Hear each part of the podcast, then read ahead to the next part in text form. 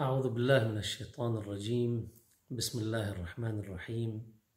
الحمد لله رب العالمين والصلاة والسلام على سيدنا محمد وعلى آله الطيبين الطاهرين وأصحابه المنتجبين وعلى جميع الأنبياء والمرسلين.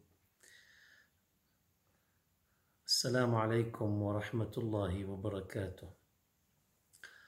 في هذه الليلة نريد أن نطل على فقرة وردت في خطبة النبي صلى الله عليه وآله في استقبال شهر رمضان. وفي الحقيقة هذه الفقرة هي ليست مرتبطة فقط بشهر رمضان وإنما فهمها يعطينا فهما دقيقا لكل جهدنا الذي ينبغي أن نبذله خارج شهر رمضان. ما قبل رمضان وما بعده. يقول النبي صلى الله عليه وآله فيما روي عنه والشياطين مغلولة فاسألوا ربكم أن لا يسلطها عليكم. يستعرض مجموعة من الأمور ثم يقول بأن الشياطين مغلولة. مغلولة يعني مقيدة يعني كيف أن الإنسان توضع الأغلال في يديه وفي رجليه ويقيد مثلا في السجن وبالتالي لا يستطيع أن يتحرك لا يستطيع أن يتواصل.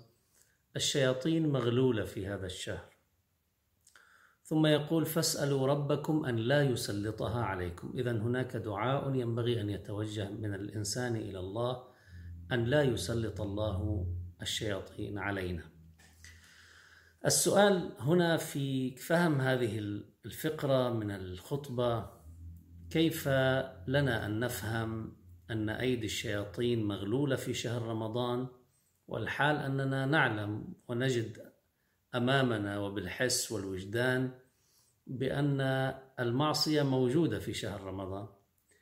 وبالتالي إذا كان الشيطان مغلولا فلماذا يعصي الإنسان؟ أليس أو ألسنا نفترض بأن الإنسان يعصي بسبب أن الشيطان يوسوس له أن الشيطان يدفعه إلى الكفر أن الشيطان يدفعه إلى المعصية وبالتالي كيف نفهم أن الشياطين مغلولة في شهر رمضان ومع ذلك نعصي الله سبحانه وتعالى؟ حتى أن الصائم في شهر رمضان قد يعصي الله عز وجل. فكيف نفهم هذه الفقرة؟ الجزء الثاني أيضا يطرح سؤالا. فاسألوا ربكم أن لا يسلطها عليكم. هل أن الله سبحانه وتعالى يسلط الشياطين علينا بشكل مستقل من دون أي داع وهكذا بإرادته سبحانه وتعالى يسلطها علينا وبالتالي علينا أن نسأل الله أن لا يسلطها علينا. تماما كأن هناك موجودا يضمر الشر للناس وبالتالي هو يتحكم بهم. فتارة يغل الشياطين وأخرى يسلط الشياطين على الناس. تارة يحجم عن أن يضر الناس وأخرى لا هو يضر الناس بشكل مباشر. في الواقع حتى نفهم هذا اللون من الفقرات نحتاج إلى فهم ثلاثة أمور أساسية. الأمر الأول هو مرتبط بطبيعة القوانين التي تحكم الحياة. هل أن الحياة تحكمها فعلا قوانين وسنن؟ الله سبحانه وتعالى وضعها لكل شيء يجري في هذه الدنيا وسأفصل قليلا في هذه النقطة. الأمر الثاني هو دور الشيطان تجاه الإنسان بحسب, ما صوره الله سبحانه وتعالى لنا. وهو الأعرف بالشيطان وهو الأعرف بالإنسان وبالتالي عندما صور الله سبحانه وتعالى لنا الشيطان في دوره تجاه الإنسان اذا هو يعطينا الفكرة الصحيحة الفكرة الحقيقية بعيدا عن أي أفكار ربما تأتينا من مصادر مختلفة وشتى. الأمر الثالث هو دور الإنسان تجاه الشيطان وما الذي يمكن أن يصنعه الإنسان في هذا المجال وبالتالي انطلاقا من هذه الأمور الثلاثة نستطيع أن نفهم فكرة تسليط الشياطين على الإنسان وفكرة أن الشياطين في شهر رمضان أيضا مغلولة. بالنسبة للأمر الأول وهو أن الحياة قائمة على قوانين وعلى سنن هذا أمر بديهي والله سبحانه وتعالى أشار إليه في أكثر من آية في القرآن الكريم وأكد أن هذه السنن التي تحكم الحياة وتحكم الكون لا تغيير لها ولا تبديل لها ولا تحويل لها وبالتالي هي ثابتة وبالتالي الإنسان هو يتحرك ضمن هذه السنن في داخل هذه السنن هو لا يستطيع أن يخرق هذه السنن. نعم يستطيع الإنسان أن يستفيد من هذه السنن ومن هذه القوانين. استفادته من هذه القوانين هي التي تجعله يتحرك في الحياة ينتج في الحياة يطور الحياة. اذا القوانين بحد ذاتها هي لا تنتج شيئا تماما مثل إذا عندنا معادلة في الكيمياء أو معادلة فيزيائية أو ما أشبه ذلك. إذا المعادلة لحالها إذا فيها جزء واحد وهو القوانين لا تنتج شيئا. نحتاج إلى جزء آخر وهو يفعل يقدم شيء يعني بحط انبوت كما نقول في مدخلات معينة يقوم بها طرف من أطراف هذه المعادلة التي آه الذي يرتبط بها وهو الإنسان هنا فيقوم بشيء. وبالتالي هذا الشيء الذي يقوم به عندئذ هو الذي يجعل هذه المعادلة تنتج ويجعل هذه المعادلة آه تؤثر. دعونا نضرب مثالا في هذا المجال. لما بنقول بأنه هناك قوانين تحكم وجود الإنسان، هناك قوانين تحكم صحة الإنسان في هذه الحياة، هذه القوانين معنى ذلك أنها جارية علينا، وبالتالي نحن لا نملك تجاهها شيئا. نعم نحن نملك أن نستثمرها، وبالتالي بدلا من أن نضر في الحياة نستطيع أن نجلب لأنفسنا الصحة. مثال عندما يقال مثلا بأن طبيعة جسد الإنسان وتركيب الإنسان وطبيعة السم هو يؤدي إلى موت الإنسان إذا شربه الإنسان. إذا لم يشرب الإنسان السم هل يموت بسبب السم؟ لن يموت. لن تنتج القوانين وحدها، ولكن عندما يشرب الإنسان السم فإنه عندئذ سيموت.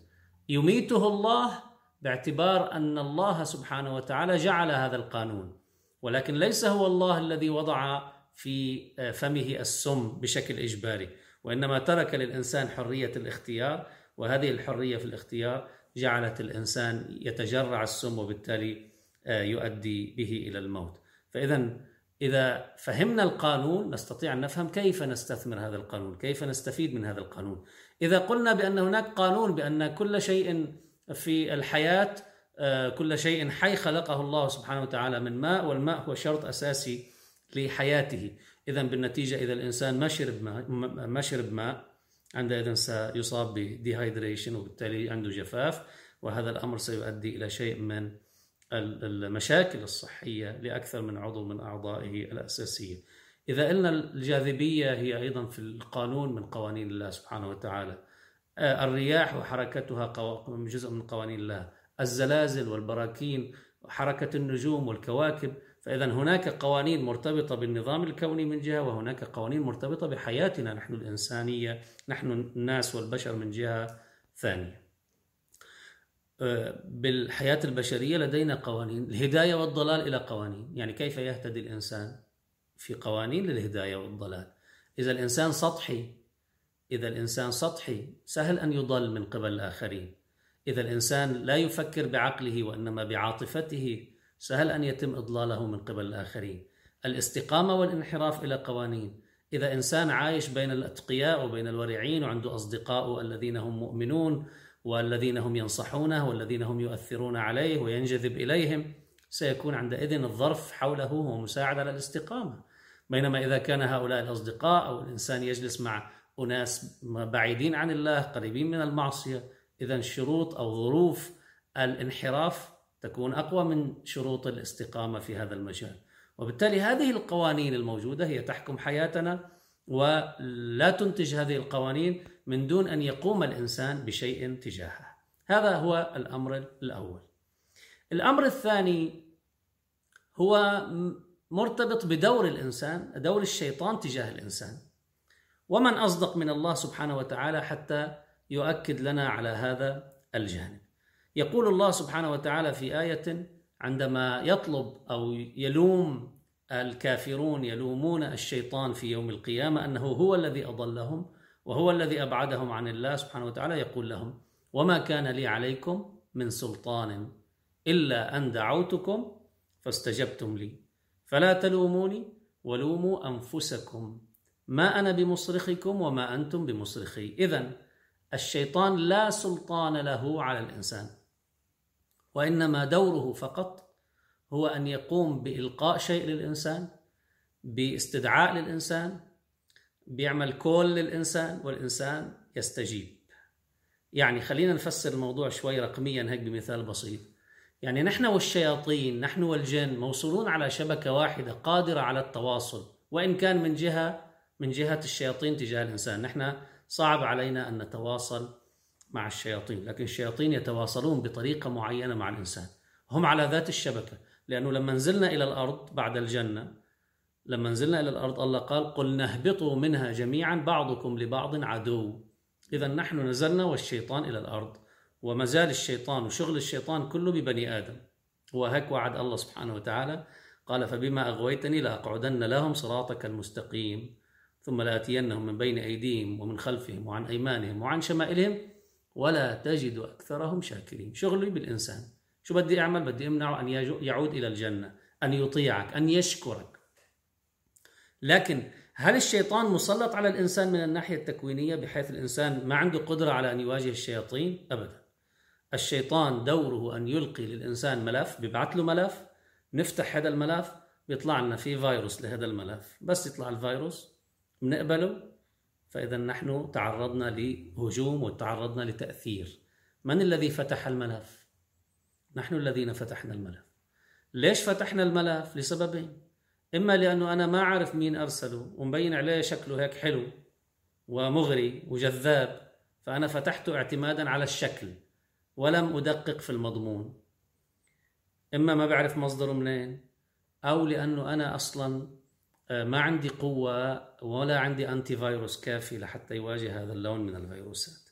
يعني أنا ما مقوي مناعتي الإيمانية وأنا ما مقوي مناعتي الروحية وبالتالي سهل على الشيطان أنه يرسل لي فيروس وأنا أستقبل وأفتح وبالتالي أنا أتأثر. بينما لو كنت أعرف المصدر أنا لن أفتح هذا الملف. واثنين أنا لو كان عندي مناعة كنت هذه المناعة استخدمتها في سبيل أن أقضي على هذا وأمنعه من وأمنعه من أن يؤثر على داخلي أن يؤثر على سلوكي أن يؤثر, يؤثر على طاعتي لله سبحانه وتعالى. إذا الشيطان لا سلطة تكوينية على الإنسان له وإنما له سلطة الاستدعاء. له سلطة غير مباشرة ولكن التأثر نحن الذين نحدد كيف نتأثر بالقرآن. وهذا هو الأمر الثالث. علاقة الناس بالشيطان هي علاقة تلخصها فعليا. الآية الكريمة يقول إنه ليس له سلطان على الذين آمنوا وعلى ربهم يتوكلون. فإذا الإيمان بالله عز وجل بكل مندرجات الإيمان والتوكل على الله هو الذي يمثل القوة في مواجهة الشياطين هو الذي يمثل الأنتي فيروس في مقابل هذه الفيروسات التي يلقيها الشيطان. في مقابل هذا الجانب يقول الله تعالى إنما سلطانه على الذين يتولونه والذين هم به مشركون. فإذا نحن الذين نتولى الشياطين بصير له سلطان علينا. إذا ما تولينا الشياطين إذا بقينا حذرين إذا بقينا لدينا الكثير من أجهزة المقاومة لهذه الشياطين فإذا نحن لا يستطيع الشيطان أن يفعل شيئا أمامنا. الله تعالى في آية أخرى يقول إن عبادي ليس لك عليهم سلطان إلا من اتبعك من الغاوين. إذا هناك اتباع. هناك اتباع. انطلاقا من الأمور الثلاثة التي ذكرناها نستطيع أن نرسم معادلة. هناك سنن كونية في الحياة. هناك سنن تحكم حياتنا. الشيطان والإنسان كلاهما يستفيدان ويستثمران. هذه السنن والقوانين. فبيجي الشيطان بحركها لكن الشيطان لا يستطيع أن يحرك هذه القوانين ولا أن يجعل هذه القوانين تنتج ضد مصلحة الإنسان إلا إذا الإنسان قبل أن يكون جزءا من التأثر. قبل أن يتأثر بالشيطان. إذا لم يقبل الإنسان أن يتأثر بالشيطان الشيطان لا يستطيع أن يستثمر هذه المعادلة. إذا استثمار الشيطان للمعادلة للقوانين الإلهية التي وضعها في حياتنا استثماره يمر من طريق الإنسان نفسه. وإذا الإنسان ما سمح للشيطان أن يستثمرها عندئذ لن يستطيع استثمارها إذا الإنسان عنده مناعة كافية كان عندئذ لن يستطيع الشيطان أن يخترق داخل الإنسان. طيب. عودا على ذي بدء لما نحكينا عن الفقرة من الخطبة التي ذكرها النبي صلى الله عليه وآله ورويت عنه الشياطين مغلولة فاسألوا ربكم أن لا يسلطها عليكم. كيف نفهم انطلاقا من هذه الأمور الثلاثة؟ كيف نفهم أن الشياطين مغلولة في شهر رمضان؟ في الحقيقة هي مغلولة بسبب ثلاثة عناصر أساسية ثلاثة شروط وضعها الله سبحانه وتعالى. وهاي الشروط انطلاقا من السنن من القوانين نفسها مش بطريقة غيبية غلت الشياطين. لو رجعنا إلى شهر رمضان نفسه لا, لا شفنا أنه في عندنا ثلاث أمور أيضا في شهر رمضان محققة. الأمر الأول هو الصيام. الصيام نفسه هو سبب أو طريق إلى التقوى والتقوى تقوم على قوة الإرادة. والإنسان حتى يواجه الشيطان يحتاج إلى قوة إرادة. الصيام هو نوع من خلينا نسميه الابديت السنوي للانتي فيروس اللي عندنا نحن داخلنا الروحي والنفسي وغيره. هذا جهاز المناعة نقويه سنويا بشهر رمضان. طبعا عندنا تقوية يومية بالصلاة عندنا ما شاء الله من عناصر التقوية الدائمة. يعني الله ما خلانا أحاطنا من كل جانب. إذا نحن نقوي جهاز مناعتنا في شهر رمضان المبارك. لما أنا بكون عم صوم إذا أنا بكون عامل أبديت لشو؟ للأنتي فيروس أو لجهاز المناعة. إذا أنا ما عم صوم إذا أنا شو؟ جعلت تأثير الشيطان أكبر من عدم تأثيري. فإذا أنا قمت بشيء تجاه الشيطان. أنا الذي ساهمت بتخفيض المقاومة لسلوكه.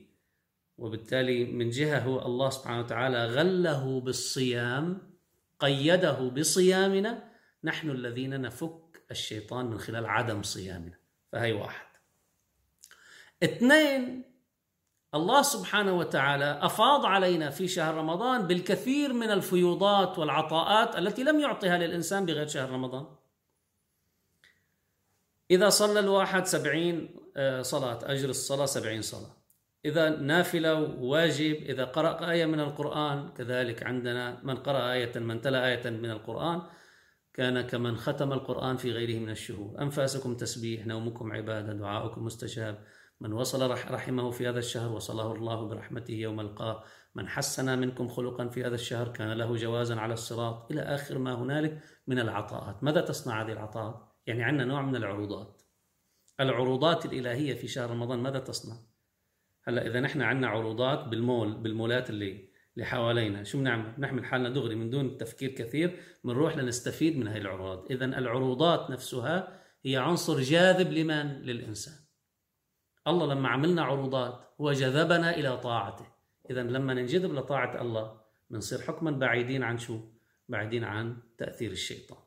فإذا الله غل الشياطين من خلال ما أعطاه للإنسان. هاي اثنين.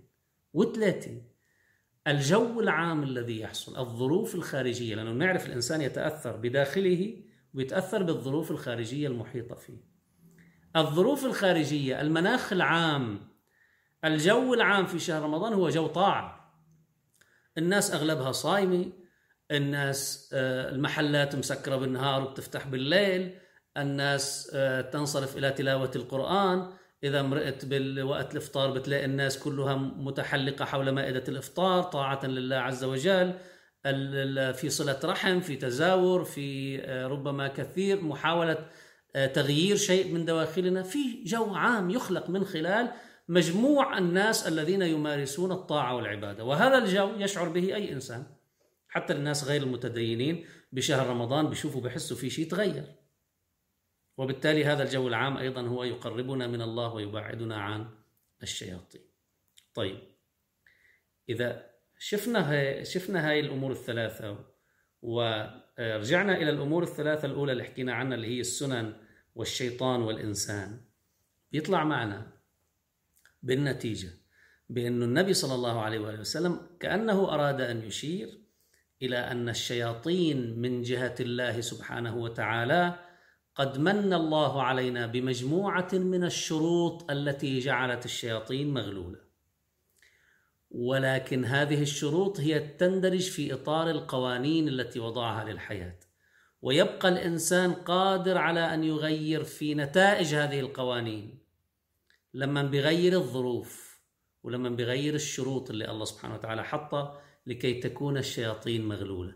إذا غيرنا بالشروط ما طبقناها كما يجب. إذا الشياطين تصبح مطلقة اليد. نحن الذين أطلقناها من خلال تغييرنا للغلاف الذي جعل الشياطين مغلولة في هذا الشهر. وبالتالي لما الله بده يسلط علينا بأيدينا. خلينا نضرب مثال هيك بنعيشه كلنا سوا ومع الأسف يتراكم سلبيا خلال سنوات كثيرة من من سنوات طويلة يعني ماضية يتراكم بشكل سلبي. اللي بيتذكروا سابقا قبل يمكن ثلاث عقود من الزمن كان أجواء المسلسلات الرمضانية قريب من التدين قريب من الأخلاق قريب من القيم. ما كان عندنا هذا اللون من التفلت من كثير من منظوماتنا منظومتنا الدينية والأخلاقية وما إلى ذلك في إنتاج مسلسلات رمضانية. ولذلك الإنسان بالجو العام كان يقعد قدام التلفزيون حتى لما بده يحضر له فيلم في المسلسل أو ما إلى ذلك كان يشعر بأنه أيضا عم يتزود روحيا. طبعا يعني التلفزيونات والقنوات كانت محدودة وبالتالي أيضا الخيارات قليلة. يعني الإنسان إذا حضر له مسلسل بشهر رمضان هذا لا يعني أنه هو شو أنه هو راح يخل بواجباته الثانية طيب شو صار عندنا من يعني يمكن عقد أو عقدين من الزمن؟ شو صار عندنا يعني ثورة في الإنتاج التلفزيوني أصبح شهر رمضان محطة أساسية للكثير من المنتجين والذين هم ربما بعيدون عن أي جانب حتى قيمي وما إلى ذلك ما بيهمون أخشي بيهمون الريتنج وبيهمهم الإنكم بعد ذلك. طيب شو عملوا؟ خلينا نروح ندرس مسلسلات. كما ما شاء الله صار عندنا من القنوات الفضائية التي تشتغل أصلا طول السنة صارت شهر رمضان أساسي عندنا. نوعا بنلاقي الشياطين هي اللي كأنها هي اللي عم تكتب السيناريو. بنلاقي الشياطين كأنه هي اللي عم تمثل كثير من الأدوار. بنلاقي المؤثرات الصوتية والسينمائية وغيرها الشياطين جزء أساسي منها ومؤثر بشكل فعال عمليا شو بيصير عنا؟ بيصير عنا الإنسان الذي يقرر أن يجعل نفسه في هذا الجو إذا هو أخل بشرط من شروط غل الشياطين فأطلق هذه الشياطين. نحن الذين نطلق هذه الشياطين عندئذ لما أنا بقرر بروح بشوف أنا قديش عندي مسلسلات وما شاء الله بحط أنا هذا الوقت بدي أحضر مسلسل وهذا الوقت بحضر مسلسل. بيطلع معنا أنه أنا يمكن صلي كنت قبل شهر رمضان. على الوقت بشهر رمضان في مسلسل حاطينه على الوقت وبدي أحضره بأول عرض وبالتالي أنا شو؟ بأخر صلاتي صرت بشهر رمضان. يعني بغير شهر رمضان أنا بصلي على الوقت بشهر رمضان بأخر صلاتي. ما عندي وقت لأقرأ قرآن لأنه ما شاء الله ما في عروضات بالمسلسلات قبل شهر رمضان مثل شهر رمضان. وبالتالي أنا ما عندي وقت صار لأقرأ قرآن. ما عندي وقت للدعاء. ستريس أيضا نتيجة التعرض للشاشات وغيره وغيره. أنا صرت تعبان بدي نام وإلى آخره. ما في امنيه على السحور. انجا أصلي صلاة الفجر وهكذا. شو بيطلع معنا؟ الشياطين يدها مغلولة من خلال الجو العام الذي يغري الإنسان بالطاعة. لما الإنسان بيجي بيغير بهذا الظرف بهذا الجو العام شو بيعمل؟ بيأثر على كل ذلك. بيأثر على العروضات الإلهية. أنا ما بروح على المول الإلهي ساعتها لحتى أشتري وحتى أخذ واستفيد من الجوائز وما إلى ذلك. ويمكن بعدين أوصل لمرحلة أنه أنا أشعر حالي ما بدي صوم. لأنه بصير الإنسان خلص يستسهل يموت من الداخل وبالتالي ما بيصوم. إذا نحن أخلينا بثلاث شروط أساسية. جعلها الله سبحانه وتعالى هي الأصفاد وهي الأغلال التي تقيد الشياطين. شو عملنا نحن؟ عملنا لها ريليس تركناها. وتركنا أيدي الشياطين عندئذ تسرح وتمرح في الإنسان في حياتنا نحن. هذا كله بخلينا أنه نحن نشعر أنه لازم يكون عندنا نوع من الحساسية العالية تجاه ما ينتجه الإنسان في شهر رمضان. مش بس على المسلسلات طريقة تعاطينا مع شهر رمضان. استسهالنا انه الإنسان يفطر بشهر رمضان استسهالنا انه الناس تصير تبيع في شهر رمضان للمفطرين استسهالنا انه ما يكون عندنا أجواء إيمانية في شهر رمضان. إذا بعض الوباء العالمي اليوم منعنا من أن نلتقي في المساجد التي هي أجواء مهمة لشهر رمضان. أيضا ما بنقوم بالاستفادة مثلا من الوسائل الرقمية لحتى نجمع بمقدار ما نستطيع على الجو بالحد الأدنى الذي يمكن في مثل هذه الظروف. لا نقوم بأي شيء اذا نحن أمام إطلاق لأيدي الشياطين. وبالتالي نحن لدينا لابد أن يكون لدينا مسبقا التفات إلى هذه العناصر إلى دور الشيطان إلى السنن وإمكانية تغيير هذه السنن من قبل الإنسان وبالتالي الشيطان يصبح يسرح ويمرح في كل حياتنا الروحية والأخلاقية والقيمية وبالنهاية العملية وربما يخرجنا من التدين بشكل كبير جدا. بناء شخصياتنا خارج شهر رمضان أساسي حتى يأتي شهر رمضان وأيضا نستفيد ونستثمر. وإلا الإنسان اللي بيستلكش بعلاقته بالله سبحانه وتعالى في خارج شهر رمضان يجي شهر رمضان وجزء من المشكلة ستكون موجودة. هذا ما نستطيع أن نفهمه من حديث النبي صلى الله عليه وآله وسلم أنه عندما تغل الشياطين فإنما تغل من خلال الشروط والظروف التي جعلها الله سبحانه وتعالى لدى الإنسان في سلوكه من خلال الصوم والعبادات وأيضا في الحوافز وفي الموانع التي جعلها الله سبحانه وتعالى بشكل خارجي. وانطلاقا من ذلك آه، نستطيع أن نفهم أن تسليط الشياطين على الإنسان ليس إلا لأننا أخلينا بهذه الشروط وبهذه الظروف وبالتالي عرضنا أنفسنا للشياطين وبالتالي انسقنا وراء الشياطين والانسياق وراء الشيطان. يجعل الشيطان يتحكم بالإنسان لكن لا يتحكم به بمعزل عن الإنسان نفسه وإنما يتحكم به انطلاقا من آه، تسليط الإنسان الشيطان على نفسه. هذا ما أحببت أن نتأمل فيه في هذه الليلة المباركة ويمكن أن يكون لنا أيضا إطلالة على بعض الأمور الأساسية المرتبطة بعلاقتنا بالشياطين وأيضا علاقة الشياطين بنا نحن بني البشر وبالتالي يمكن أن يحدد لنا كيفية إدارة الصراع بيننا وبين الشيطان في هذه الحياة. Just the brief in English, the Prophet sallallahu alaihi wasallam said in the uh, khutbah of uh, Shahr Ramadan, he said, وَالشَّيَاطِينَ مَغْلُولَةً فَاسْأَلُوا رَبَّكُمْ أَنْ لَا يُسَلِّطَهَا عَلَيْكُمْ. The satans are chained, so ask your Lord not to give uh, not to give them authority over you. Uh, the question here is how do we understand such a, such uh, narration from the Prophet sallallahu alaihi wasallam? How could we understand this saying? How um, uh, how does or how are the satans chained? And uh, we see that many of uh, many people commit uh, sins in Shahr Ramadan. So how uh, how does the satans chained and then uh, we see the, these sins and this the source of the of guilts and sins are, are, are only the satans. How Allah subhanahu wa ta'ala give authority uh, to those satans over us. Isn't this a kind of forcing us to do the, the sin or to commit sins in our life? Actually, the answer is based on three or on understanding three uh, three uh, issues or three pillars maybe uh, the first is that the universe and the human life is based on laws. Those laws are established by Allah subhanahu wa ta'ala or imposed by Allah subhanahu wa ta'ala, and we have no choice, no choice to uh, go out of these uh, laws, but we can get benefit from these laws in our lives. So we can produce and uh, produce what is good for us uh, from relying on what we do actually. Uh, and those laws are uh, related with um, all the aspects of our lives the health and being sick, also to be straight uh, to be straightful in our life or to commit sins uh, or maybe we, we can see the laws in uh, in how we deal with the orders of Allah subhanahu wa ta'ala and uh, what Allah subhanahu wa ta'ala wants us to prevent. Uh, so these laws are governing us, uh, are uh, we are forced to, to be inside those laws that Allah subhanahu wa ta'ala imposed uh, to our life. The second pillar or second uh, issue is that the Satan has no authority over us.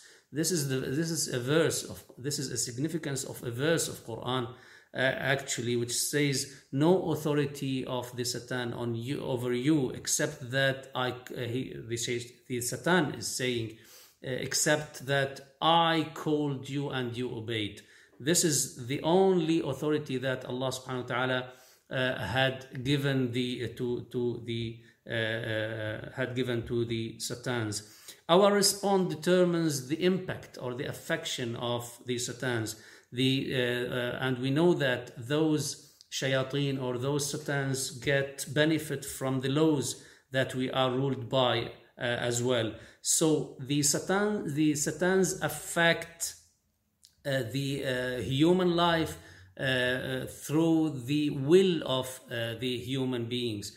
If we respond, if we if we um, obey uh, those uh, satans, then they have the affection. If we don't, if we have a strong antivirus, for example, so they couldn't uh, uh send uh, us any any virus in any file. Therefore, being chained means that Allah subhanahu wa ta'ala provided us in Shahr Ramadan, provides us in Shahr Ramadan with what make the satans away from affection, away from affecting our life.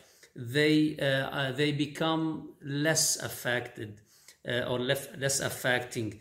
Um, also, this this formula from Allah subhanahu wa ta'ala, the Satan being the Satan's chained, this also is based on is based on three conditions. The first the first condition is fasting itself which strength, uh, strengthens uh, our intention for not obeying the Satan. The second condition is the big rewards Allah subhanahu wa ta'ala uh, has uh, uh, given us in, in Ramadan that uh, He doesn't give in other in other months. this encourages this encourage us. Those rewards encourage us uh, to, to be closer to Allah subhanahu wa ta'ala and further from the Satan's, uh, Satan's whispering. The third condition is that the general uh, is that the we have in Shahr Ramadan we have a general faithful atmosphere. This plays a, a very important role against the affection of the satans on our lives. According to these three conditions, we can understand that uh, being chained means that these satans are less affecting, they are not affecting uh, as in, in other months. They are not affecting our life, our lives in our in, in Shahr Ramadan. So we say here, if one or more of these three conditions are changed by us, then this allows, this causes the release of those satans and give them the authority over our life, over us. So uh, we have to fast, we have to fulfill these conditions, we have to fast, we have to respond to uh, what Allah subhanahu wa ta'ala has given us as rewards in this Ramadan. And uh, of course and uh, of course this is a, a very important point not to uh, let the atmosphere be changed according to what is uh, what we have as rewards from other than Allah subhanahu wa ta'ala as we see in many aspects of our lives نسأل الله سبحانه وتعالى أن يعيننا على أنفسنا بما يعين به الصالحين على أنفسهم والحمد لله رب العالمين والسلام عليكم ورحمة الله